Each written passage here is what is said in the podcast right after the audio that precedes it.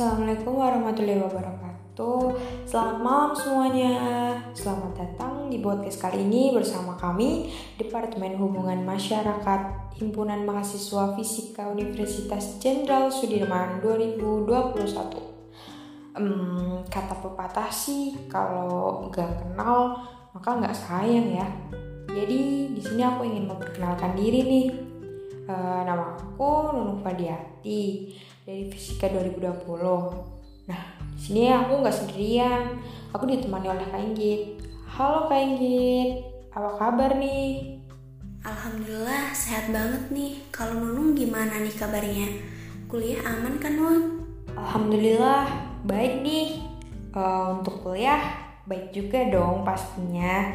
Apalagi online gini, pasti aman lah nilainya. Wah bagus tuh. Oh iya, dengar-dengar mau ada podcast ya? Wah, bener banget tuh. Kayaknya tahu nggak tema podcast kali ini apa? Dengar-dengar sih podcastnya akan membahas tentang seni dalam berkomunikasi. Kedengarannya menarik ya, Nui? Wah, iya dong, menarik banget. Dan tentunya di balik tema yang menarik, pasti ada pembicara yang menarik juga dong. Wah, bener banget tuh, Nui. Nah, kali ini kita kedatangan tiga pembicara yang akan memberikan inspirasi buat kita nih. Ada Kak Farah, ada Intan, dan ada Sandi. Halo Kak Farah, halo Intan, halo Sandi. Apa kabar nih kalian? Baik, Alhamdulillah. Baik, Alhamdulillah. Baik, Alhamdulillah. Oh iya, kita kan kali ini akan membahas tentang seni berkomunikasi nih. Menurut kalian, apa sih seni berkomunikasi itu? Oke, dari aku dulu ya. Uh, ya, aku mau kenalan dulu sebelumnya. Aku Farah dari Himpunan Mahasiswa Fisika 2021 Departemen Hubungan Masyarakat. Di sini tadi pertanyaannya apa sih seni berkomunikasi itu? Seni berkomunikasi terdiri dari dua kata yaitu seni dan komunikasi dong pastinya.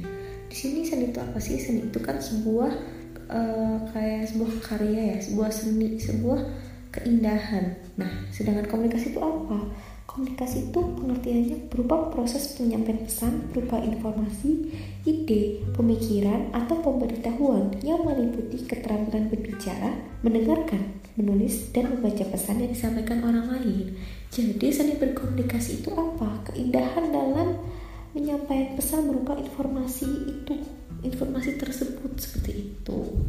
Oke, aku mau nambahin sedikit dari apa yang udah dijelasin sama Kak Farah. Jadi, komunikasi juga bisa diartikan sebagai pengiriman dan penerimaan pesan atau berita antara dua orang atau lebih sehingga pesan yang dimaksud dapat dipahami. Jadi, bisa dikatakan komunikasi apabila pesan yang dimaksud oleh si pengirim pesan dan apa yang ditangkap oleh si penerima pesan itu sama yang disebut dengan komunikasi efektif. Jadi sama-sama paham apa yang dimaksud.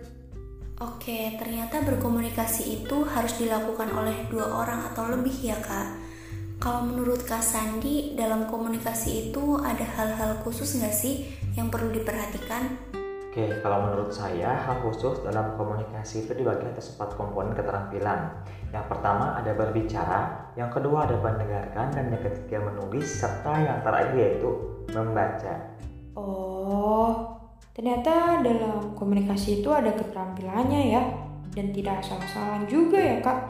Oh iya kak, pasti ada dong problem yang dihadapi kakak-kakak sekalian terkait komunikasi. Nah, Mungkin salah satu dari kakak-kakak bisa nih sharing terkait problem-problem tersebut. Oke, mungkin aku bisa ya sharing salah satu masalah yang pernah aku alami dan berkaitan dengan komunikasi, yaitu takut berbicara di depan umum. Itu emang udah contoh paling umum ya dialami sama orang-orang, khususnya itu presentasi. Nah, pernah waktu itu di salah satu forum diskusi, itu diharuskan mempresentasikan suatu materi yang mana itu bagian aku. Nah, waktu itu karena aku gugup banget, akhirnya pas presentasi kesalahan datang bertubi-tubi. Ada berbicara gagap, suaranya kecil sampai gemeter, dan aku nggak berani natap orang di depan aku. Itu benar-benar masalah yang memalukan banget sampai-sampai aku pengen keluar dari forum itu.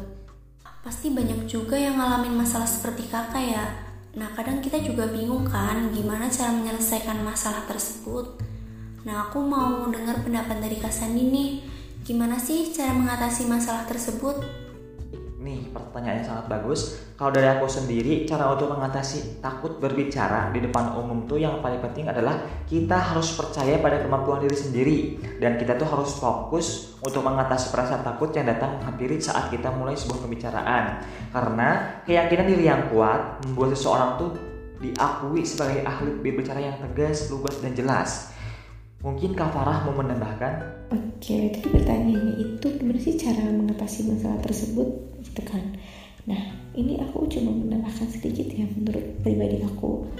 Jadi cara mengatasi itu bisa dengan terus berlatih, terus mengasah kemampuan bicara seperti itu.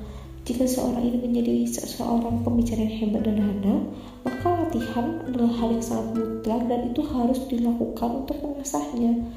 Atau juga bisa dengan memperbaiki diri dengan mengikuti pelatihan terkait public speaking. Seperti itu. Itu menurut pandangan aku. Sebenarnya banyak sekali cara mengatasi mengatasi dengan pribadi masing-masing. Seperti itu.